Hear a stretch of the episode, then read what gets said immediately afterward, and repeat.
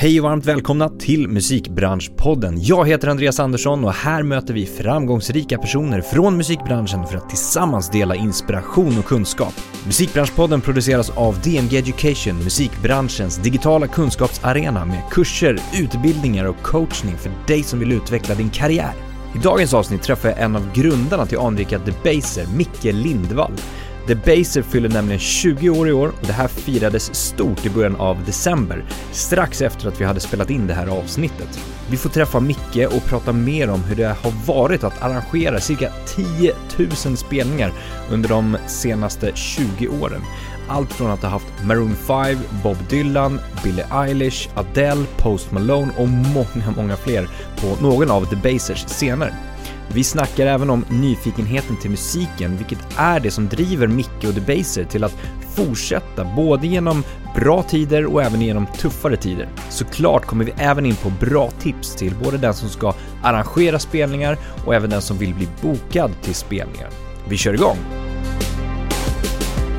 Välkommen till Musikbranschpodden, Micke Lindevall. Tack. Hur mår du? Bra, lite trött idag. Eh, det var konsert igår. Ja. Sen upp tidigt i morse. Eh, lite för lite sömn i natt. Vad var det för konsert? Okej Kaja från Norge, men hon har en, en amerikansk-norsk ursprung. Tror jag, som, eh, väldigt bra. Men jag kan komma tillbaka till den senare. Ja, coolt, coolt. Ja men du sa det, det var en liten, liten, liten promenad. Från ja, Debaser. Ja, ja, Vi ligger ju ganska nära Ja. varandra här, rent fysiskt. väldigt fin promenad faktiskt. Längs Ja, med längs vattnet. Ja. Det, ni, Debaser är ju lite vattenursprung. Alltså om man tittar på, vi kommer in på det också, så här, Slussen, eh, vart det härstammar ifrån. Och Ja. nu ligger det också vid, vid um, Hornstullstrand. Hornstulls strand, Mm. och där är vatten. Mm. Och vi har en ponton. Exakt. Är det, någon, det finns inget genomgående tema som, Nej. där du eh, älskar vatten på något sätt? Det gör jag, absolut. men, men att ha, ha möjligheten att hamna nära vatten är nog bara eh, slump. Och på något sätt så är det väl bra att eh, den, en del av grannarna är vatten och inte ett hus med. Exakt, och det kommer vi säkert också in på just det här med grannar och, Ja, och ja. klubbscener och sånt Ja. där. Ehm, men eh, du är ju um, konsert och programchef Mm, och medgrundare av uh, Debaser. stämmer också. Som nu i december 2022 fyller 20 år. Mm. Vi, vi fyller egentligen 20, 20 år i september men eh, vi hann inte eh, komma ur sommaren och göra den kvällen så att vi la den på slutet av året istället. All right, det blev inte så här, just det, nu har det gått 20 år. Mm, jo, vi åt tårta på, på, på tisdagsmötet. Men det, det är ju, vi pratade om det lite innan och när jag satt och tänkte igenom så här, det är ju liksom som en, en, en det är mer än ett spelställe. Är, vi pratade om att det är ett levande varumärke Mm. på något sätt som har levt med. Det är någon slags live-institution på något sätt och, Mm. och, och liksom det är få som inte känner till Debaser eller åtminstone liksom har hört talas om det på något sätt. Nej, Jag tänker om det är någon som hade missat det så Mm. får man väl slå upp det själv. Man får googla och titta på de som faktiskt har spelat där. ja, Vilket är, det är en lång lista. Ehm, vi pratade 10 000. Ja, jag tror att det är alltså 10 000 spelningar. Sen Ja. klart att Bob Hund har gjort mer än en. Ja, ja, ja, exakt. Men vad har vi för exempel på, på artister som har... Oj, jag brukar dra så här eh, stora så här exempel som att Maroon 5 spelar där för 25 personer. Eh, vi, har haft, vi har haft Bob Dylan, Strokes spelar där, Libertines, saker just, just i den, man tittar vad som händer först tidigt, liksom millenniet runt där, den typen av musik. Eh, så hade vi allting som hände inom liksom rock. Sen klev vi över Medis, Justice, mycket av den franska liksom elektroniska musiken. Och så utvecklas det, kom en in, ny indievåg därefter. Och, men sen har vi haft så mycket urban också. Eh, men eh, Billie Eilish spelade för 300 personer. Eh, Post Malone har spelat åt oss. Eh, ja, Det måste ju kännas jättehäftigt Alex, just att de, de har varit där för så pass få personer på något sätt också. Både och. Det där handlar alltid om timing. Jag liksom för- brukar förklara att det är inte bra att de har spelat där för tidigt också. Nej, nej, nej. Eh, man vill ju alltså ta det när det väl händer. Alltså att det liksom inte... För annars är det ju också en, någonstans... Eh, det är en ekonomisk fråga liksom. Men, Såklart. men Precis, visst ser det ju- bra ut på CVt för Debaser att de har gjort det där. Eh, om man nu ska se det långsiktigt så är det ju en, en del vi bär med oss och förhoppningsvis är man med nästa sväng. Det finns ibland artister som har eh, spelat för, för, för 40-50 personer två gånger de kommer tillbaka till Sverige, tredje gången så säljer de ut 900 biljetter. Ja. Så att eh, det gäller att vara envis, fortsätta liksom. Eh. Ja, verkligen. Men vi, just att det är som du sa, en, det är en business, det är en verksamhet, det är inget, inget stöd. Nej, Um, ja, det, är- det är ju finansierad. eh, samtidigt så många som tror nästan att, för jag menar, idén med, idén med från början var väl att ha en mötesplats för sådana som en själv. Eh, Både musiker i Stockholm, publik, en scen där vi kan se liksom internationella och lokala artister spela tillsammans. Eh, och vara en mötesplats där saker och ting händer. Eh, och, och det blev det ju ganska snabbt. Och sen, sen växte ju vi också under åren. Men, men det har liksom alltid varit en, en blandning av mötesplats och ett, ett forum för livemusik. Mm. Ja, men när jag satt och tänkte tillbaka på det också, så, så som jag nämnde för dig här innan, att Mm. det, jag har så otroligt mycket minnen Härligt. själv. Ja. Det är väldigt mycket personligt att jag har, första gången jag besökte Debaser tror jag, Yes. då stod jag på scenen på en musikdirekt-tävling. Ja. Mitt på dagen. Ja. Klockan 12 tror jag det gick på av stapeln. Eller var det på Slussen? Det var på Slussen Ja, var på faktiskt. Slussen. Så då stod jag på scenen, det var superstort, eh, verkligen. Jag var inte så gammal då. Mm. Eh, men sen under åren jag har, jag har bokat till Debaser, Mm. artist. Mm. Jag har själv varit där och tittat på fantastiska band Mm. och konserter. Mm. Jag har jobbat där och Mm. sålt merch. Ehm, ja, det, det är liksom, det är väldigt mycket nostalgi på något sätt. Och det måste väl vara lite grann det, just när det gäller, vi pratar Slussen. Mm. Att alla vet ju att, eller alla som vet om Debaser-historien vet ju att, att ehm, det låg där. Och sen så skulle Slussen renoveras. Om man, om vi backar tillbaka till, Mm. till hur, hur det var där liksom. Mm. Det blev ju en, en, en succé som vi Mm. pratade om. Över natt. Ja, vad hände sen? Man backar tillbaks bandet också igen. Diskussionen som pågår just nu om, eh, jag hörde i morse bara eh, P1, eh, Kulturborgarrådet pratar och om, om scendöden i Stockholm. Ja. Den, den, den, den har ökat i Göteborg och ligger på samma nivå i Malmö. Men i Stockholm går det ner. Och det var samma debatt 2001-2002 i Stockholm. Jag skrev på en rapport för Statens kulturråd som handlade just om Stockholms eh, behov av scener. Och som resulterade egentligen i att vi startade Baser. Det fanns ett så stort hål att fylla. Ehm, och så, så, så att över en natt så gick som, jag tror inte det hade gått att göra det så snabbt idag. Så var det liksom, publiken fanns där. Jag kunde fylla ett program hela hösten med otroligt mycket konserter liksom. För att, för att det fanns inga scener. Mm. Vi var ensamma. Eh, men, eh, och, och, och, den raketfarten och det momentumet var det ju bara liksom sen eh, fortsätta behålla. Och sen, ja, och vi visste ju redan när, när vi klev in där från dag ett att det var ett rivningskontrakt. kontrakt. Vi hade ett års uppsägningstid på oss. Och då skulle det då gå in och tas lån och finansieras och, och, och ändå veta att vi, vi kan åka ut nästa år eller så blir nästa år eller så vidare. Ja. Eh, Men eh, ja, vi var där i tio år. Ja, det är jättehäftigt Mm. ändå att det blev så, Ja. så häftigt. Eh, och, och det var ju inte egentligen över en natt heller som det lades ner. Nej. Utan ni hade ju, ni startade ju upp Medis. Mm. Ja, men Malmö. efter, efter ett par år där så vi, vi upptäckte väl liksom att vi var med, vi har alltid varit med tidigt i artisters karriär. Eh, både lokalt och internationellt. Men sen finns det ju liksom Går ett par år och så kommer artisten tillbaka så då ville vi förstås göra om den artisten som Mm. det gick bra för. Men då hade de ju stigit upp, då ville man ju sätta dem på en, en större scen. Och där kom ju med i sin första gången så att vi såg liksom trappan. Okej, nästa gång ni kommer då spelar ni också Österbaser. Mm. Eh, så det, det, det var det första vi gjorde var att, att hitta två ställen i olika kapacitet. Och sen började det också komma idéer om att, jag menar, om, om vi ska lägga ett bud för Stockholm så frågar de alltid efter, kan vi spela, vilka mer ställen kan vi spela? Göteborg, Malmö. Ja, så dök plötsligt möjligheten upp att, att öppna upp i Malmö och då så kom det ett par år senare där också. Och 2013 var året vi, vi faktiskt drev eh, alla fyra spelställen simultant. Ja. Det blev nästan som en liten koncern på något sätt. Ja, det, det var ju, och vi hade ju siktet inställt på Göteborg. Ja. Och vi var nästan klara för det. Eh, och där började väl liksom det här, eh, eh vad ska man säga, skitsnacket om the baser som eh, musikbranschens svar på McDonalds och sånt där som bara går och köper upp andra ställen och, och, eh, och, och eh, blir ett monopol. Medan vi fortfarande var ett oberoende spelställe som bara försökte eh, hitta vägar där vi kunde liksom bli mer ekonomiskt säk säkra vår ekonomi.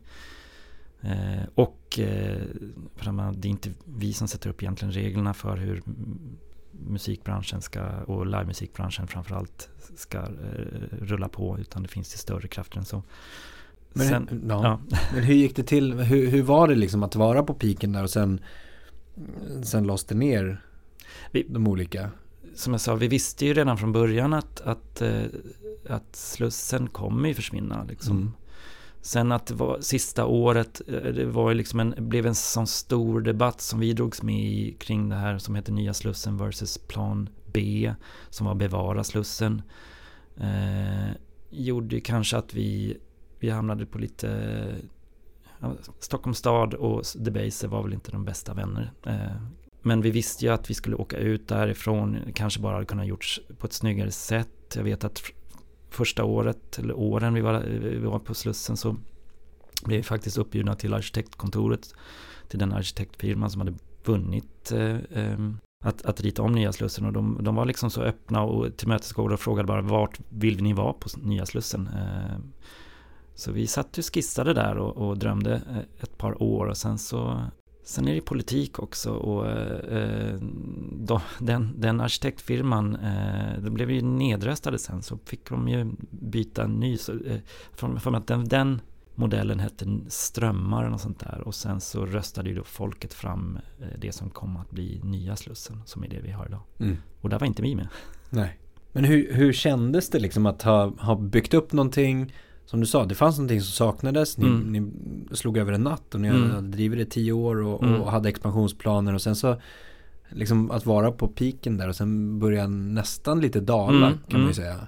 Hur kändes det för liksom dig som har varit med och byggt upp det? Alltså, jag tror inte jag reflekterade så mycket. Jag tyckte på ett sätt att eh, Visst fanns det, fanns det en, en, en dröm om att vi skulle haft Göteborg, Stockholm, Malmö och två ställen i Stockholm som fungerade. Då hade vi ju varit oslagbara. Mm. Men det var ju också ett ganska stort jobb att fylla fyra scener med, med innehåll eh, och kommunikation kring det som eh, där allting ska, och, och, alltså att allting ska ha en ekonomi som, som, som är stabil. Eh, men, men om det hade varit så så hade det varit, varit en dröm. Sen att det sen slutar med att nu ha strand. Jag kan, jag kan också tycka att det finns en, eh, en liten nostalgi för att det var ju så Slussen började. Vi hade ju bara ett ställe att fokusera på och då kunde vi göra det 100%. Mm. När det sen blev fyra ställen så var det liksom svårt att, att vara riktigt involverad i alla ställen samtidigt som det egentligen som man helst vill vara. Just det. Eh, eh, och kunna liksom vara, jag kunde inte ens gå på alla konserter. Nej, exakt. Men och, och, det är det, vi kommer in på det lite nu då, det här med Alltså att ni alltid har haft någon slags så här, nyfikenheten och kärleken till musiken mm. som drivkraft. Mm. Eh, och även att, att liksom det här jubileet nu ska vara en, en hyllning till det. Ja.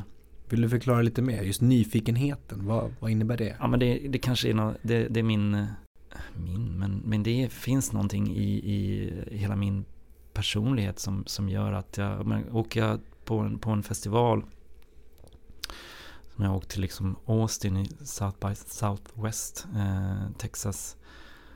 Så i början så liksom försökte jag ju se 50 artister varje gång jag var där. Eh, och det, det, det, det, det alltså jag, jag, jag, kan liksom inte, jag läser någonting om de här artisterna, jag måste se det, eller varje dag när jag går till jobbet så vill jag lyssna på nya skivor. Eh, och jag blir liksom, får en, får en, får en kick av det utan det så tror inte jag liksom om man bara skulle gå tillbaka och eh, fortsätta göra det man har gjort och vet fungerar så, så hade jag nog ledsnat liksom. Mm, mm. Eh, och jag hoppas att liksom den entusiasmen som vi också försöker kommunicera ut, liksom att, att, eh, att, att kunna liksom korsa ut till andra genrer som du inte känner dig lika bekväm med, eller eh, och, och, testa nya områden, men bara ger en chans och hitta, och att vi liksom försöker också plocka ut det vi tycker är olika genrer som vi, som vi ser har, har det som tilltalar oss och sen förmedla till dig som gäst på något ja, sätt. Ja. För det är just den här nyfikenheten, ni, mm. ni som Ni lyfter ju väldigt många up and coming artister mm. Band mm. Och där någonstans behöver du ha nyfikenheten Ni går ju kanske mm. inte ut och tittar på topplistan och, och hör av er och säger vi vill boka er, er, er Utan det kanske krävs lite mer research också eller? Jo. Just för att sätta ett program tänker Absolut. jag Absolut. Och, men, och där, måste, där måste man alltid sätta, hitta en balans. Ja. Eh, ett, ett ställe som oss eller andra kan ju, kan ju inte överleva om vi inte har de som säljer mycket biljetter också. Exakt. Om man nu också hela tiden försöker spotta fram nya, nya talanger och hitta dem. Då ser vi också vilka som funkar ganska tidigt och sen kan, komma, sen kan vi komma tillbaka och göra dem på en större scen. Liksom. Mm. Um, men visst, det är, det, är, det är en viss research, men det handlar ju också om analys och, och eh, magkänsla. Ja. Den är ju, och det är ju liksom ens egna eh, processor, data, mm. eh, som, som, som kickar igång. Kan, jag kan inte alltid liksom förklara varför jag går igång på vissa saker. Men jag tror på dem stenhårt. Eh, för det, det, har någonting som tilltalar mig och då hoppas jag att det tilltalar dig som mm. så jag ska försöka sälja en biljett till. Men det här balansen, just det ekonomiska och att någonting du hittar som verkligen tilltalar dig och mm. sen så är det 50 mm. personer som kommer eller 30 personer Ja, ja men den, den är inte så varken tillfredsställande för mig eller för artisten. Så där gäller det också som jag pratade om för tajmingen. Mm. Vissa gånger kanske du måste, du har en känsla av att det här kommer vara för stort nästa år. Ja. Så, så du, bara måste, jag, måste, jag måste göra det nu, för annars är det för stort för Debaser. Mm. Jag vet att vi gjorde DKLM här för två veckor sedan. Då var just den, den, den känslan att okej, okay, det här kommer bli större än Debaser 2023.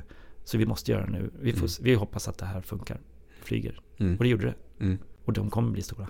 Sen är ju också att under alla år skaffat ett så stort kontaktnät, både i Sverige och internationellt, att du kan någonstans inte bara eh, läsa på olika, eh, säga, läsa av data på streamingsajter eller på hur mycket följare de har etc.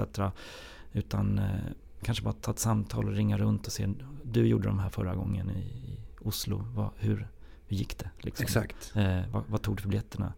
Skulle det kunna gå att applicera på den publiken vi har här hemma i Sverige? Ja, det skulle det faktiskt. Mm. Och sen är det alltid, eh, sen ska man vara på plats också och gärna gå och fråga, hur hittar du de här? Liksom, om du inte förstår vart, vart publiken eh, har hittat just den artisten. För det finns alltid nya vägar som, som, som eh, det måste man också vara ny, nyfiken på. Mm, mm. Har du några sådana här go-to-ställen där du alltid kollar efter ny musik? Ny musik Nej, det, för det, att... Ja, det beror på vad, vilken typ av musik. Om jag ska liksom lyssna på, jag, jag kan lyssna på radio, BBC 6. För, för att liksom eh, få inspiration hemma bara. Eh, jag kan läsa recensioner. Eh, jag kollar eh, olika festivaler. Sen, sen är det också, efter, efter att ha jobbat med samma e-mailadress i 20 år så ramlar det ner väldigt mycket olika frågor. Ja. Som ska liksom också sorteras och väljas ut. Eh. Hur, hur stor del är det liksom? Din egen, eh, det du eller ni vill boka kontra det som faktiskt kommer in och förfrågas om att hej får vi spela här? Vi, vi, alltså Debaser också, vi, vi har ju jättemånga samarbetspartners som, ja. som, som vi jobbar, eller under åren har man ju arbetat upp speciellt vissa nyckelpersoner som jag vet har samma smak som en själv, som kanske jobbar internationellt. De gör ju att det här liksom, det, det, blir ett ganska eh, programmet ser ut så som det ska göra liksom.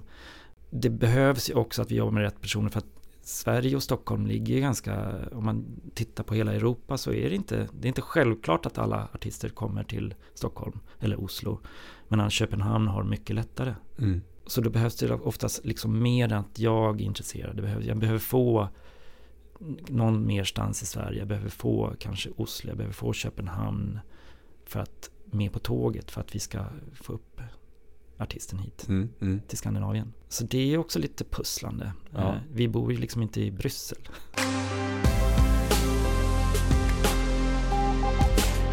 Men om vi går in på liksom och bara pratar lite grann om processen Mm. för att sätta liksom ett program med Mm. spelningar, säg för ett år. Eller ja, hur långt fram framförhållning har ni?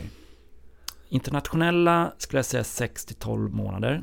Mm. Eh, så, så vill man gärna, jag vill gärna ha liksom eh, avtal skrivet sex månader före. För att sen kunna lägga upp en form av, och speciellt nu efter, efter pandemin och eh, med, med kanske en kommande eh, lågkonjunktur så behövs det längre tid att eh, sälja biljetterna. Och det sitter ju också ihop med att du som artist, om du jobbar på internationell nivå, måste eh, pussla ihop en hel turné för att det ska Mm. gå ihop och det är mycket jobb. På svenska sidan är det lite kortare. Mm. Eh, där kan man, eh, om, om det är bra hype på det, slänga upp någonting två månader före. Mm. Men det var också vilken storlek det är. Jag kan göra saker ännu kortare om vi pratar bara Brooklyn och sälja för 250 personer. Men eh, någonstans där ligger det. Och, och sen också att du eh, försöker vara, vad ska man säga, aggressiv eller i ditt, hur du liksom går på och, och, eh, och du, alltså att du, du fightas om att få grejerna. Eh, Mm. Att du inte kan luta dig tillbaks och tro, även om vi har varumärke som kanske funnits länge och som många känner till, så är det inte, det finns ju fler ställen i stan Ja. att spela på. Ja. Och vi måste vara ute där och, och, och vara tidigt på bollen. Sen också visa, lika många eh, gånger jag har gjort budgetar och, och i- lagt bud etc. på saker som inte har hänt. Det är så? Ja, ja. Mm. Så det är, ju- det är, det är mycket jobb ibland med, med, med eh, det som inte syns. Mm. Men hur ser, eh, hur ser en deal ut då? Jag tänker för att säkra upp ekonomin. Om vi, Ja. Hur mycket vi kan gå in på det. Men jag Mm. tänker till exempel att är det Får artisterna eh, ett gage? Ja, det, det är där i, ja, det, är- det är dörren, ja, men det, no, det, det är vilken nivå du är och du, hur du är som eh, biljettsäljande artist. Mm. Det jag gör är ju, är ju någonstans bedöma hur stor publik kommer du ha här i Stockholm Mm. och hur mycket är de beredda att betala. Och när jag har hittat den liksom siffran som jag tycker känns rimlig, ja, då vet jag ungefär vad mycket du kommer kunna få som artist. Mm. Och om du har synpunkter på att biljettpriset är för högt eller för lågt, ja, men då påverkas det sen eh, hur mycket pengar som blir kvar i slutändan. Mm.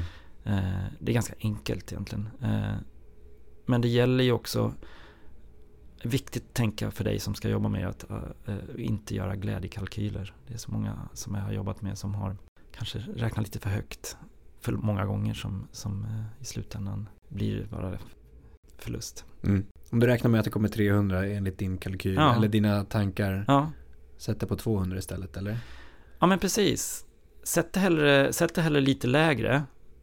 Och så då kanske du gör en vinst. Och det är där du, där du kan liksom eh, tjäna pengar så att du har råd att ha en lön. Mm. Mm. Eh, och sen så är det klart att du eh, hela tiden måste göra en konkurrensanalys. Se vad kommer de andra erbjuda. Ja. Och sen får det också vara ka- ja, det är många gånger, alltså det, det kan man också säga att en, en, en eh, sak som har gjort att vi har hållit i längden är att jag inte försökt hoppa på när det kommer nya, ny konkurrens i stan på det här eh, där man trissar upp priserna. Att då får det vara liksom, då får ni göra eran resa där, där ni får köpa artisterna lite dyrare. Men i slutändan vet jag att det kanske är, det, kommer eh, vad ska man säga, eh, det är många, flera ställen som inte finns idag om man säger. Mm. Mm. Och det är kanske för att du inte har kunnat eh, räkna korrekt eller sånt där. Du har tagit lite för stora risker. För det är också en, försöka fördela riskerna. Ta inte allting själv. Eh, men se till också att även om, ni inte tar, eh, om du får andra som gör, tar riskerna att ändå äg ditt program på något sätt. Eh, så att det inte blir som en, finns, alla fall finnas en, finnas en röd tråd i det du gör. Vilka skulle kunna vara andra som tar risker då? Ja men det är andra, andra arrangörer. Mm. Se, se till att du jobbar med rätt personer. Som jag, jag är inte expert på alla områden som finns inom musik. Men jag vet ju andra som är det. och vi kan göra den lilla genren tillsammans, vi kan göra den och så gör vi massa olika. Um, och där någonstans får du en bredd i programmet uh, och mångfald. Mm. Och kan ändå sälja biljetter för att du vet att den publiken, den kommer på de konserterna. Mm. Var det här saker du kunde för 20 år sedan? Eller är det saker som du har lärt dig under tiden? Det kunde absolut inte. Jag hade ju jobbat som, som eh, arrangör i några år innan. Eh, drömmen var egentligen att, att hitta ett ställe, skapa sin egen arbetsplats. Ja. Drömarbetsplats. Ha en fast, eh, ett fast ställe. Det fanns inte i Stockholm då. Eh, ett kontor där jag kunde gå och jobba till och, och, och sen kom, gå dit på kvällarna och vara på konserterna. Mm. Men, men om jag kunde, nej, jag har också haft mentorer eh, som, som har eh, någonstans pekat åt rätt håll eh, då och då. Ja. Eh, och kanske själv gått på niter eller ja, bakslag? Jo, men jag fick också lära mig ganska tidigt det här att eh, hellre tjäna lite på, på många konserter än att göra eh, en, en eh, stor vinst här och en stor förlust där. Så att, så att marginalerna är kanske inte så stora men, men, eh, men du, går inte, du förlorar inte heller jättemycket pengar om du skulle. Det tror jag är ett ganska hållbart tänk. Sen är det också så att för 20 år sedan såg ju också eh, hela bokningsbranschen ganska annorlunda ut. Det var i en, en fas där fortfarande eh, artister åkte ut, det höll på att försvinna, men åkte ut och turnera för att de gjorde reklam för skivsläppet. Exakt. Och inte egentligen för att tjäna pengar på konserterna. Så att gagerna var ju betydligt mycket lägre. Eh, och sen kom eh, streaming och egentligen pirat eh, streamingen. Eh, och eh, gjorde att artisterna var tvungna att tjäna pengar på annat sätt. Då försvann, försvann också det som kallades turnéstöd från skivbolagen. Eh, de fick alltså pengar för att åka ut och turnera eh, och göra, som var gjort för att de sålde skiv, mer skivor om du är ute och, syns. Mm. Men då, var det en lättare tid då än jag tänker med nu som vi pratar om det här med liksom artister som streamar mycket mm. behöver ju nödvändigtvis inte dra en, en fysisk publik på nej, ett spelställe nej, heller. Nej, nej.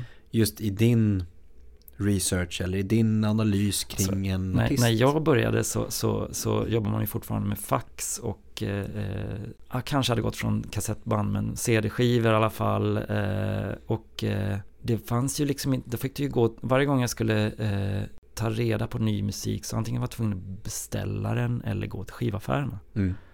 Och det gällde inte bara mig, det gällde ju all publik också. Som, så att det var ju, på ett sätt var det svårare att nå ut med smalare publik. För det fanns vissa distributörer som sålde de skivorna. Eh, men när väl folk började få kunna eh, lyssna på musiken online på något sätt. Då kunde, ju, då kunde du nå så mycket längre om du satt, eh, alla kunde få tillgång till den här, kunde höra den musiken. Mm. Eh, men det var ju också början på eh, slutet för skivindustrin vad det gäller den fysiska produkter. Men har du haft sådana artister som har hypat sig själva kring att ah, men vi har streamat så här mycket, vi har spelat så här mycket och sen stämmer ingenting av det? Eller de, ja, ja. ja, streamingen kanske stämmer ja, men, men... Ja, jag, jag, har inte, jag, har, jag har inga exakta exempel men det där hände ju speciellt i början när streamingsiffrorna började eh, så var det många som gick på den där att, eh, att gå på streamingsiffror och boka dem Exakt. därifrån. Eh, det där har försvunnit och det stämmer inte längre. Och det tror jag generellt att du måste också titta på flera parametrar i så fall. Du kan ju titta på olika sociala medieplattformar om det mm. stämmer överens med streamade. Så det är klart att du kan genom viss dataanalys, äh, dataanalys äh, se äh, vad som, som kommer funka. Mm. Men sen finns det massa andra saker som du måste ta, ta med. Och det är också vilken setup som artisten har. Mm. Vad, är det för, vad är det för agenturen ligger på? Vem är agenten? Vem, vem, vilket skivbolag? Eh, vilken typ av promotionarbete kommer du få? Har en hög prioritet? Eh, Sådana saker gör ju att, och du ser också, okej, okay, finns så mycket fåniga eh, detaljer. Men du kan se att de här artisterna ligger på den här nivån när det gäller eh, alltså det, det rankas, en sommar, festivaler betyder ganska mycket. Du ser också vilka artister som rankas eh, på affischen egentligen. Mm. Ju högre upp desto dyrare artister är det egentligen. Ja. Och, och, där finns det också någonting, alltså det, jag, nu, nu jobbar inte jag med, med festivaler men där är ju det där är ju en podd i sig. Mm. Men sånt kan man ju också läsa av. Eh, för att de hamnar ju inte där av, en, av bara av streamingsiffror utan det finns ju av att det finns fans. Mm. Och det är mm. de artister som har fans som man kan sälja biljetter till. Men när vi ändå är inne på det här då. Vad skulle du ge för tips till, låt säga up and coming artister som så här, ut och letar spelställen mm, och mm. som verkligen är så här, nu vill jag, nu vill jag ut där. Mm. Ska man kontakta? Ja, men jag, jag, jag fick, du frågade mig tidigare om det. Eh, mm. och jag funderade på det där. Och, och om jag skulle säga så här, om, om de inte får några spelningar så skit i oss då. då. Mm. Gör din egen spelning. Mm. Om du inte får något skivbolag att nappa, skit i det då. Släpp det själv. Mm. Eh, och, så, och, så, bygg upp någonting kring det du, du, du, kan göra själv. Och får du det att börja snurra, det är då jag kommer bli nyfiken på vilka det är. Eh, sen är det såklart att du ska göra bra musik, men det förväntar jag, det, det förutsätter jag liksom. Mm. Men det, det behöver inte gå och vänta på att jag svarar. Eh, kämpa hårdare bara liksom. Det finns massvis med sådana exempel där artisterna tagit sin karriär i egna händer. Uh. Och där jag snarare ser att de, det, här, det här kommer ju hända för att, för att de, de har ju redan folk som börjar, för de har ju redan, de har ju märkt att de måste jobba för att få upp sin lilla publik i Stockholm mm. eh, till att börja med. Och sen, sen blir det ju liksom en vinga, eller här, ringa på vattnet. Men det kan, det kan vara en, en, en, en väg. För att eh, om du nu inte är så att jag redan har svarat eller något sånt där. Och sen som jag sa, det skadar inte liksom att bygga upp en bra setup.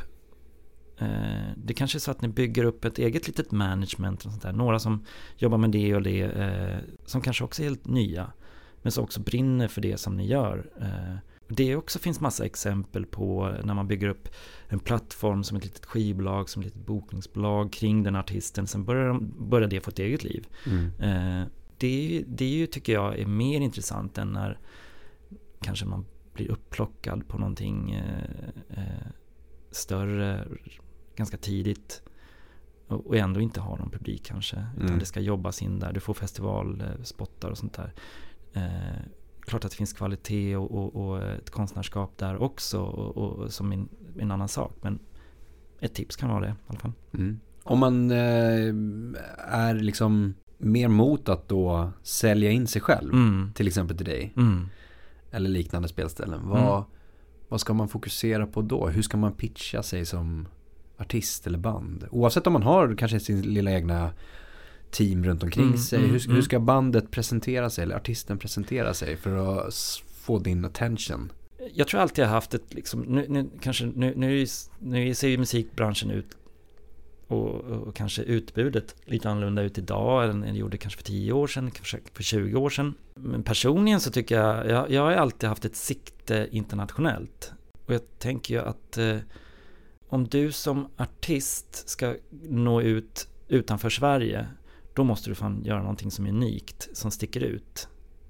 För att det finns mycket saker som, som, som det, det, finns ju samma typer av artister i Danmark som det finns i Sverige som låter ungefär likadant.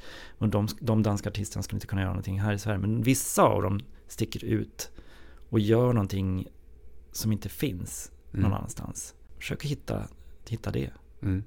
Gå på konserter, lyssna på mycket musik och ändå liksom hitta din egen röst, det måste du också aldrig glömma bort. Du ska inte liksom applicera någon annans idéer och göra, försöka göra det. Mm. Du måste utgå från dig själv. Men försök göra något, något nytt. Skapa något nytt. Mm. Och om man känner att man har det, man har ja. det här ja. nya, unika på något sätt. Ja. Att man är, man är super på det och mm. kanske har fått lite traction hemma mm. då, om vi mm. kallar det för mm. eh, i, ja, till exempel då Danmark, eller om vi vänder på det. um, Hur, hur ska man liksom bäst pitcha in allt det andra? Ska man liksom säga att eh, vi har en eh, mm. superstabil fanbase i Stockholm ja, som kommer sälja slut? Om du har det så kommer jag ju kommer jag snabbt kunna kolla upp det. Analysera och se ja, om absolut. det stämmer. Ja. ja. men jag, sen är det ju också så här lite eh, objektivt och subjektivt. Du kan ju säga att du är svinbra. Mm, mm. Men om, om, om säg att plötsligt så plockar eh, Per Sinding Larsen upp dig och säger att du är svinbra. Mm. Alltså det räcker med att någon journalist eller någon som, eh, som skriver någonting plockar upp det du gör och uppmärksammar det. Då kommer jag också uppmärksamma det för att det är så många som kommer in och säger vi är bäst. Mm. Eh, lyssna på oss. Mm. Ja, jag vet.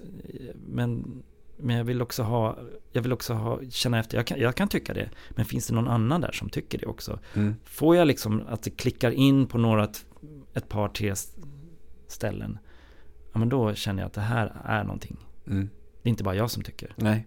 Men det kan ju vara saker som du har missat också tänker jag. Absolut. Alltså så- som, jag vet av, av egen erfarenhet när, när jag spelade i band till Mm. exempel. Då var det ju att man kontaktade ställen och, Mm, och, och mm. förklarade för att ja, Mm. men vi har fått vi har spelat här och här Mm, för så här mm, mycket mm, människor. Vi har sålt våran EP för det här. Mm. Vi har arrangerat egna spelningar. Att man Mm. försökte liksom ja, jag eh, vet. inte, inte övertala Nej, så, men nej. på något sätt sälja in sig. Mm, mm. Eh, finns det, har du exempel på när artister har sålt in sig där du bara, ja men det här är nog bra.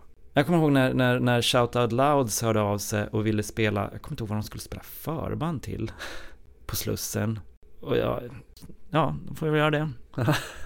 eh, och står och kollar, plötsligt så liksom kommer det 200 personer och ska se förbandet, eh, om inte mer. Och betalar sig in och ser förbandet och går. Okej, jag hörde av mig på en gång så här, okej, ni, ni ska ju spela själva. Ja. Och det gjorde de. Ja. Och sen kom då i samband med deras första EP och sånt där. Så det, det går ju ibland, men jag, jag, sen, sen finns det ju de gånger liksom man har bokat saker som eh, kanske inte riktigt levererar. Eh, men eh, man måste ju också ge saker en, chans. Man kan ju inte liksom avgöra i förväg innan man har sett en sak. Nej. Det är också någonting som jag försöker. Jag åker väldigt mycket på, på olika festivaler. Jag går på mycket spelningar. Mm. Jag försöker ha en, en, en idé om att om jag ska presentera en sak för dig som ska köpa biljetten så vill jag ha sett den. För om, jag, om nu säger att det är fantastiskt. Då måste du kunna stå för det. Ja, Ja. Jag, och, och jag vet att när du ser det så kommer du tycka som jag. Ja, exakt. Men klart man inte kan se allting och jag kommer inte kunna resa överallt. Jag drömde om att kunna göra det liksom. För jag måste sitta på kontoret och göra Du avräkningar. måste vara där också, exakt. Det här med, vi var inne på det, ehm, att det var konsertdöden eller spelställesdöden eh, där när ni, innan ni drog igång Debaser. Mm.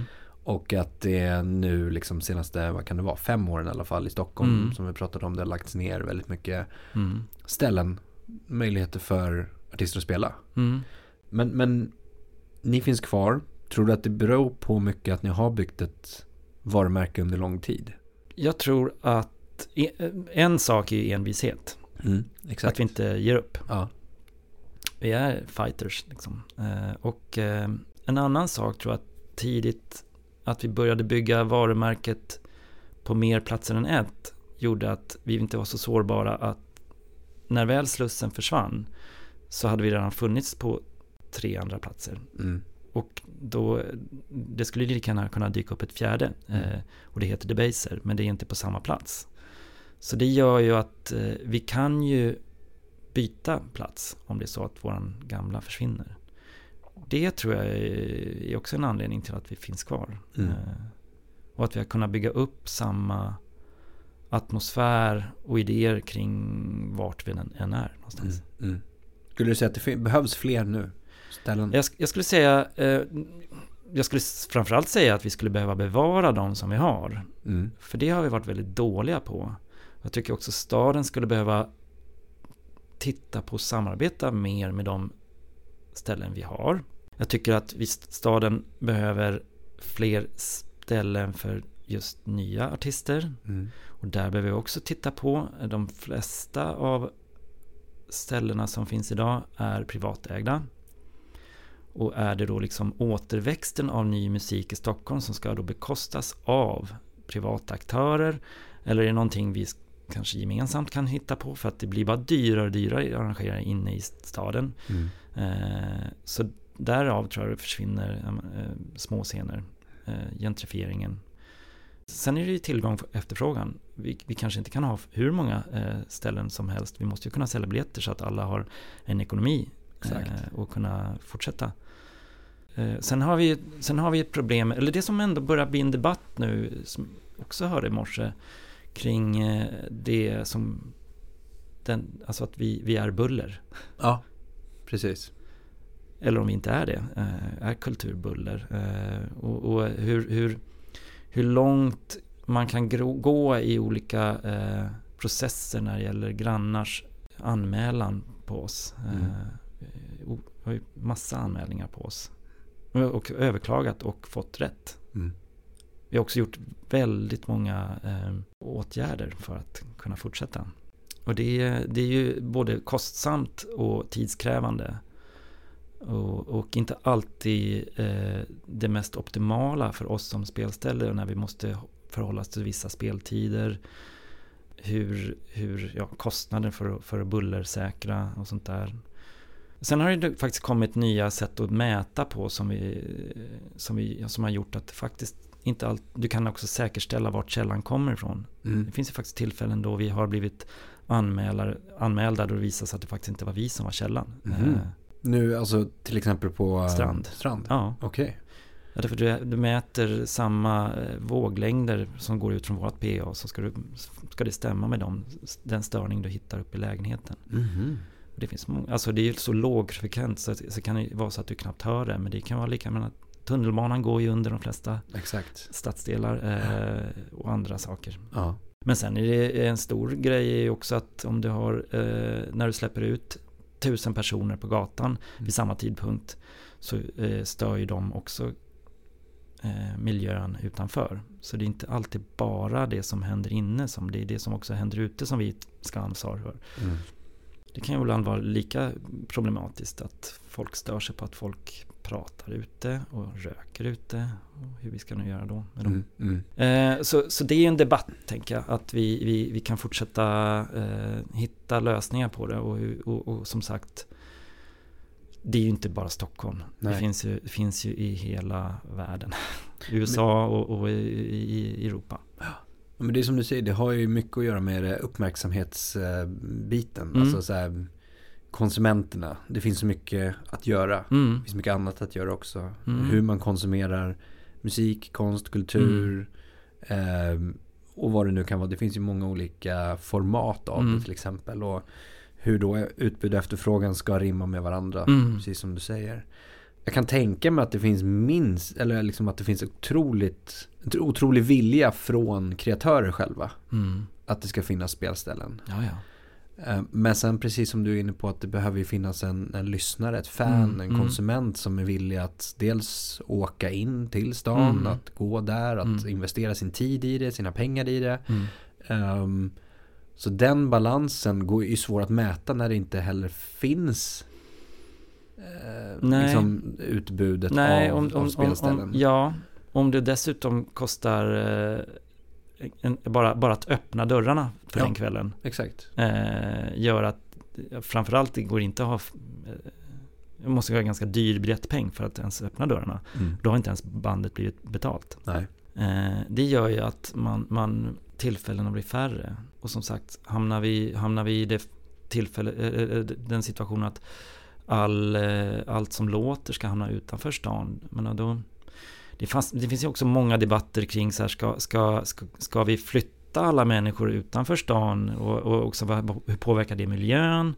Att ha, eller ska vi försöka få alla att komma in till centrum istället? Eh, det, det kan ju också vara ett sätt att se på det. Att Ja, det är så många olika, alltså att, att den är jätteviktig. Men sen finns det jättemycket andra aspekter på, som vi måste, parametrar ta in. Det handlar om ett jämställt program. Mm. Vi måste ha en, en kulturell mångfald. Vi kan inte bara boka vita män i liksom 40-årsåldern. Eh, eh, vi måste hitta och, och, också trycka in programpunkter där det behövs tryckas in. Mm. För att vi vill att det ska vara så. Eh, och, nu, och sista delen nu då, som har kommit de sista kanske 5-10 åren, det är också sättet att tänka på hur hela arrangemang ska eh, vara hållbart miljömässigt. Liksom. Och det är en stor debatt. Ja. Den har dock tagit lite stryk nu senaste eh, året just på grund, eller åren på grund av pandemin eh, och, och, hur vi ska ta oss ur den, för det är en stor fråga. Mm. Eh, att också se hur biljettköparna kommer tillbaks eh, efter pandemin. Men eh, det tror jag inom några år. Det är mer intressant att titta tio år fram i tiden. Ja. När Debaser fyller 30 år. Hur ser, hur ser en ny generation ut som ska se på livemusik? Mm, mm, Hur ser livemusiken ut då? mm. Kommer du vara med där då? Om jag är på Debaser vet jag inte. Eh, men, eh, men absolut kommer jag ha någon del, för jag är redan nyfiken på hur, och lite rädd för hur, hur eh, jag menar, när, när eh, nya budgetpropositionen halverar eh, eh, kulturskolans budget så klart att det, jag hörde Dennis Luxén prata om det i, i radion i förrgår. Va? Vi, har, vi slår oss för bröstet för, för hur, hur den, det svenska musikundret eh, når ut i världen. Alla listetter som svenska låtskrivare är med på, turnerar och etc. Men, eh, men eh, det är att jämföra med att eh, vi, vi också skickar iväg olika landslag. Förväntar oss att det ska gå bra. Men vi har tagit bort alla fotbollsplaner och alla, alla, alla ideella liksom, idrottsklubbar. Eller stöden till det. För det är det vi gör just nu. Vi tar bort grunden till att lära barn att musicera. Mm. I alla fall för en del av förutsättningarna. Och det, det är inte rätt väg att gå. Samtidigt så är ju alla människor och barn eh, tar ju nya vägar. Det är, liksom, det är ju mer eh, teknik som dyker upp i musikskapandet nu Mm, än det gjorde för mm. kanske 10 eller 20 år sedan. Men även det, att det kanske inte alla har tillgång till det. Det, Alltså demokratiseringen Mm, av det liksom mm. att det, det finns fortfarande något slags ansvar hos eh, liksom makthavare Mm. eller mm, regering eller beslutsfattare att skapa förutsättningar så att alla kan, faktiskt Ja, ja. kan vara en del av liksom, återväxten Ja, eller vad man ska säga. det, det, det, men sen måste ju vi också vara, eh, fan, höja liksom, vad ska man säga, vi får säga ifrån också. Alltså, eh, så, att, så att budskapet går fram att det här, är- det, här, det är ju för jävligt liksom. Eh, ska mina barn ha sämre förutsättningar än vad jag hade? Eh, för att om fem år, alltså det går så fort i den åldern. Och, det, och jag ska säga så här, det, det, är inte, det är inte lätt redan att få här, barn i den åldern att plocka upp ett instrument. Mm, Eh, mm. Så, så det vore ju enklare om, om, eh, om vi satsade lite där också.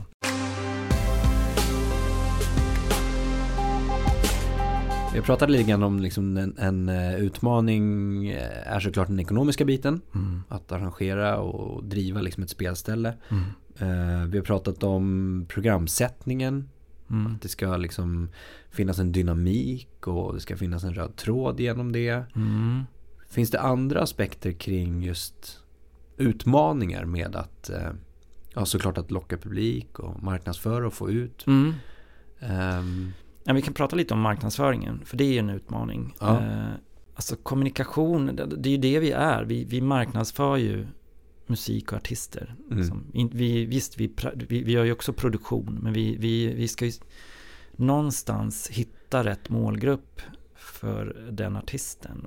Och eftersom vi har funnits i 20 år har ju också våran målgrupp förändrats med åren. Liksom. mm. Varje år kommer ut en ny kull som de, de, de eh, hittar ju information och på ett annat sätt än de som gick på Debaser för 20 år sedan och fortfarande går på Debaser eh, idag. Eh, så, så att hitta, anal- analysera läget och, och det är också en målgruppsanalys att se vart till, vilka tillhör det här och hur gamla är, hur gamla är eh, publiken, demografi, Mm. Eh, och hur ska, hur ska vi kommunicera med dem? Är det, är det snabba små eh, eh, filmsnuttar där allting, all information finns på eh, 10 sekunder? Eller är det ett, ett, eh, ett press, eh, ska man säga, eh, har vi skrivit ihop en, en, en intressant text och en, en, en väl, liksom en bild som, som säljer in det och, och en biljettknapp där du kan trycka och köpa din biljett och så ser du en affisch på stan och då blir du intresserad. Eh, och hur, hur, hur vi, vi ska liksom hela tiden finnas på alla olika plattformar. Det, det är en utmaning. Men jag tycker också att den är rolig. Alltså Mm. att, att, eh, att, att vi kan ha den, eh, den bredden eh, i, i, vår, i vår kommunikation. Men har ni olika strategier för olika artister? Mm. Tittar ni på liksom, det här är artisten X och Mm. nu ska vi nå den här målgruppen. Ja men då lägger vi 80% fokus på digitala kanaler Mm. och eh, Vi, har, vi har den nu, just nu i liksom magkänsla. ja. Eh, från och med årsskiftet så kommer vi att börja jobba mer eh, med att använda datan från, eh, eh, från eh, som vi har via biljettförsäljningen Mm. som är digitalt där vi har information om hur våra biljettköpare ser ut. På så sätt kunna mer rikta in sig på rätt, så att vi når ut rätt kanaler och, och, och, och, sen börja lära oss mer vilka som köper och hur de köper och när de köper och hur de tar in sin information och, och, vad de öppnar och klickar på och sånt där. Det, det har bara inte funnits. Nej. Alltså, eh, det här året har ju varit en liksom tsunami av jobb och Nu måste jobba vi bara upp. sätta igång Ja, alltihopa igen efter eh, och pandemin. ett ny, nytt team också. Ja. Alltså när, när, eh, när det här året startade så var jag själv. Mm. Och nu är vi väl säkert sex på kontoret, sex, sju stycken. Mm. Plus eh, all i personalen i drift. Ja, då är det också att försöka få, få våran ska man säga, filosofi att funka i alla, för alla, alla som kommer in. Men den, som du säger själv, liksom alla har varit där någonstans. Att Mm. De vet ju vad som gäller eller vill jobba vidare i samma anda. Eh, men ja. Men kan det, vara, kan det vara liksom också så här, jag tänker en del av publiken eller Mm. målgruppen eller de som kommer dit kommer dit av att det är debaser Mm. snarare än att det är artisten i fråga som är där. Mm, Eh, för att de har det, den, liksom, det förtroendet Mm. för varumärket debaser. ja, Och sen en viss del, såklart beroende på vad det är för artist också, Mm. men att, att en, en, en annan artist, kanske 80% av, av biljettköparna är där bara för att se den up and Mm. coming artisten eller unga artisten som Ja. inte har upplevt det liksom. ja. Det, där är ju, det där handlar handlar också om kommunikation. För att Mm. det, hur, ska du, hur, ska du, hur ska du som eh, eh, gäst genom den liksom, median som vi förmedlar till dig eh, få det förtroendet? Exakt. Det gör vi också genom att eh, inte bara eh, kommunicera i förväg utan vi gör det i nuet och post, alltså efter Mm. kommunikation. För där kan vi också som på plats sända från, och där du ser liksom, wow, det här missade jag ikväll. Eller dagen efter, så här, tack för alla som kom och så fil- filmar vi eller så visar vi, liksom dokumenterar hela tiden Mm. löpande alla våra kvällar. Och efter ett tag så tror jag att om du nu ser en så vet jag att det blir liksom en del av hypen. Mm. Mm. Eh, vi kanske inte sålde fler biljetter just till den artisten, men jag vet att de som har sett det, de kommer ju bli nyfikna på nästa grej vi gör. Det här med, vi var inne lite grann på det, din egna karriär också. Mm. Jag tycker det är någonting befriande, jag var inne på din LinkedIn-profil till exempel. I liksom dagens hype. Man ska hypa upp sig själv, Mm. man ska skriva sitt CV så utförligt som möjligt Mm. och alla experiences man har på LinkedIn, Mm. varenda liten, liksom, litet projekt. Mm. På din står det, boom, co-founder och programdirektör, eller liksom Ja. programchef, Debaser, 20 år. Mm. Bam. Jag tycker den är ganska skön att se i, Ja, liksom på något sätt, den är ganska befriande att du har jobbat med det under den, den långa tidsperioden på något sätt. Det, det, det visar ju på ihärdighet. ja. Jo, men det är först kanske nu, just i år, som jag har fått, fått mycket ehm, eh, just positiv feedback för att man har, till skillnad mot många som gör karriär, Ja. på ett annat sätt. Att vara med och starta någonting och sen, ja, som du säger, 2013 kanske vi hade en peak. Sen har det kanske gått neråt. Mm. Men för den sakens skull så, så ger man inte upp. Man Mm. fortsätter fightas. Eh, och även om det kom, kommer nya konkurrenter på, eh, på marknaden så fortsätter du liksom göra det vi har gjort. Och någonstans får man också titta på att det som, Debaser är ju också ett privat äg, vi bytte ägare också. Så jag var ju delägare fram till årsskiftet. Och nu är jag anställd. Mm. Det har ju alltid varit eh, som sagt ett kommersiellt bolag som har jobbat med kultur. Det är speciellt, för det är en, det är en blandning där att, att jobba från, med känslor och, och eh, upplevelser. Mm. Eh, och en, ba, en, balans av det och, och, inte bli för, alltså, kanske inte för girig för att liksom du ska behålla någonstans trovärdigheten med den publik som du förhoppningsvis har jobbat med länge och den nya. Eh, men ändå så pass eh, ha känslan när du väl, väl kan faktiskt ta eh, en slant för biljetterna och folk blinkar inte för att betala den. Mm. Så, så, mm, ja, det har ju varit en, det har varit en, en berg och dalbana med Debaser. Men det har också varit ett sjukt roligt jobb. Hur är du motiverat till de här tuffa, liksom, fortsätt, fortsätt, fortsätt, fortsätt? Um, ja men ibland har man ingen val liksom.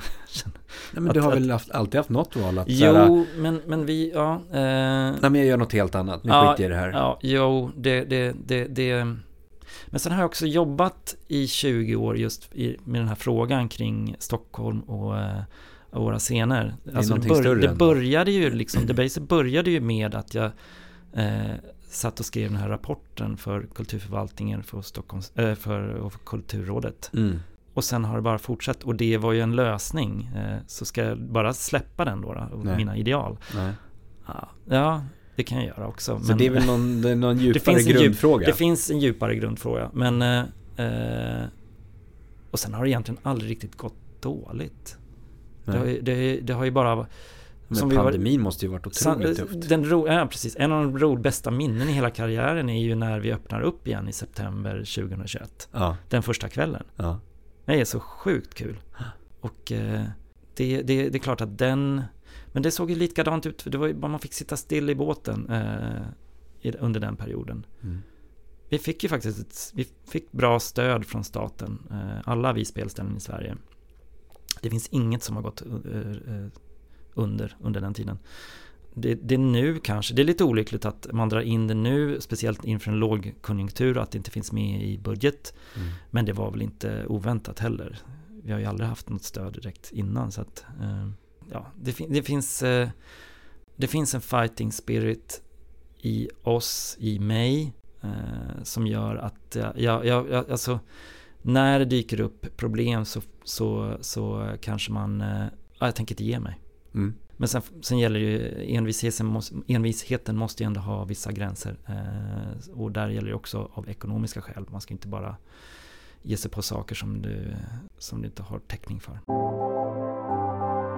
Jag tänker vi ska avsluta mm. med några kortare frågor. Mm, just det. Ja men vi kör på. Vilken bokning är du mest stolt över under de här 20 åren? Ja men jag, jag, jag tänkte här nu då. Eh, eftersom vi pratar mycket om framtiden sådär. Ja. Så, så, så igår och Kay Kaya, eh, som är norsk-amerikanska, eh, spelade, eh, hade ingen aning om vad, vad som skulle hända där. Skivan kom i fredags eh, och vi slog publikrekord igår. Mm. Wow! ja, eh, efter så här många år. Nu i, den, i, i en mindre lokalen, men eh, och vi kunde öppna upp så att, så att så att, så att vi kunde släppa på mer än vad vi skulle kunnat gjort när jag planerade konserten. Det och den var sjukt bra. Hon kommer komma tillbaks. Eh, jag, jag gillar att, att ha nya saker eh, som jag är stolt över. Coolt. Vilken eh, rider eller vilka krav är de konstigaste som ni har fått från artist någon gång? Um, oftast är det liksom bara, jag vet inte om de, jag tar dem på allvar. Uh, uh, det är allt från droger till uh, till så här osannolika saker. Det var någon, jag kommer inte ihåg, någon, någon äldre artist, manlig, som ville ha bilder på Jennifer Aniston. Okay. Ja. ja det var... eller, eller, om det var faktiskt från flera från Friends, eller sånt där. Det, för det var någon, kanske någon feelgood grej inför spelningen. Ja, ja. Den... Inga så här bara eh, en färg på M&M's i en skål eller? Det är klart att den har kommit men den är lite trött på den. Liksom, ja, sådär. Sen brukar det vara roligt att räkna ihop eh, mängden dryck som ska konsumeras av de där fem personerna för att eh, alltså det, det, är så många liter som ska, ska tydligen eh, drickas. Sen vet vi att liksom, de plockar med sig all dryck ändå så att det, det ja. Sen är vi ganska, ska man säga, det går ganska bra att stryka de där sakerna. Eh, men, men och jag, helt ärligt så, så det är ganska länge sedan jag slutade också göra, göra förproduktion. Eh, så, så de där, de når inte ens längre mig. Det, det, det är någon annan som, som strykit de där. De vet att det är liksom eh, nonsens och, och sen så, eh, så får jag bara ta, ta de sista liksom sista kollen på riden. Mm. Men de är inte så, alltså det är inte så illa som, alltså jag tror att det finns kanske på högre nivå när de, när de vill att du ska måla om logen eh, rosa och sådär och du måste göra det. Ja, eh. exakt. Ja, det finns ju några mytomspunna sådana. Ja, jag tror ja. jag läste någon bok någon gång om, mm som var fylld med massa riders. Mm. Um, ja. ja, väldigt märkligt. Vilken är den dyraste bokningen som du har gjort? Alltså, vi har ju då haft kapaciteter mellan 750 och 900 personer. Det finns liksom inte, och vi, våra biljettpris ligger, eh, ska säga, mellan 220, kanske upp till 500. Så det är inte, det är, det är inga jättesummor som kommer in. Så att det liksom, kan det landa på runt 300 300, kanske 400 000 som, som är där, där vi, smärtgränsen går liksom. Mm, mm. Och då, det, då måste det vara utsålt liksom. Mm. Men då, alltså det är gage till en artist då? Som ja, har... ja det är ju nästan hel, då har de ju, det är kanske något undantag, om det skulle vara upp mot 400 000, då har de nästan hela entrén liksom. Ja. ja men, men eh, det finns ju vissa man vill, bara vill göra. Eh, och vi har ju också fler ben att stå på. Vi kan ju också sälja i restaurang, mm. barer, garderob. Eh, så att det, det är också en, en, annan sak, en viktig del av att driva ett ställe. Att du, du kan, om, om du som gäst kommer med 500 kronor och ska gå ut den kvällen så kanske du inte gör det på... Då har vi en bar där, vi har en restaurang där, vi har även bar i nattklubben. Mm. Du spenderar lite mer än bara konsertbiljetten på oss. Sista då? Mm. Vilken är den mest minnesvärda spelningen? Ja, men jag tänk, tänkte lite på den där och, och eh, för mig så handlar, ju, handlar det ju om en upplevelse och någon, en, en, en emotionell dimension sådär. Så jag tycker att när, när, när Hellacopters bestämde sig för att lägga ner Eh, och de valde att göra en helg på Debaser Medis. Och när det står liksom 900 skäggiga, långhåriga män och gråter mm. tillsammans. När det verkligen är, jag såg alla fyra spelningar eh, och sen när den sista är liksom de tillfällena när, när det är någonting utöver det vanliga som jag tycker när det griper tag, det är, det är de bästa kvällarna. Det är därför du gör det du gör. Ja, men man, alltså det var som igår, eh, som min tjej sa liksom, när man står och har det där stora leendet på, på liksom bara och, och, och, njuter. Man ser publiken, man ser glädjen på alla som jobbar. Mm. Teknikerna är, är, är, taggade, artisten är taggad. Liksom. Det är belöningen. Ja, häftigt. Mm. Du Micke, stort mm. tack för jättetrevligt ja, samtal och, och, lycka till framåt nu då, kommande ja. tio år. Ja, 20. 20. ja, tack själv. Det var jättekul att vara med. Jättestort tack för att du har lyssnat på podden idag. Det uppskattas verkligen. Kom ihåg att följa, stjärnmarkera, gilla, dela, kommentera för att hjälpa till att sprida kunskapen i musikbranschen. Vi vill också jättegärna höra från dig. Vilka utmaningar står du inför? Vad tycker du är svårt? Vad tycker du är lätt? Vad vill du höra? Vad vill du veta? Vad vill du lära dig? Hör av dig till oss på info at dmgeducation.se. Tack för idag och ha en fortsatt härlig dag.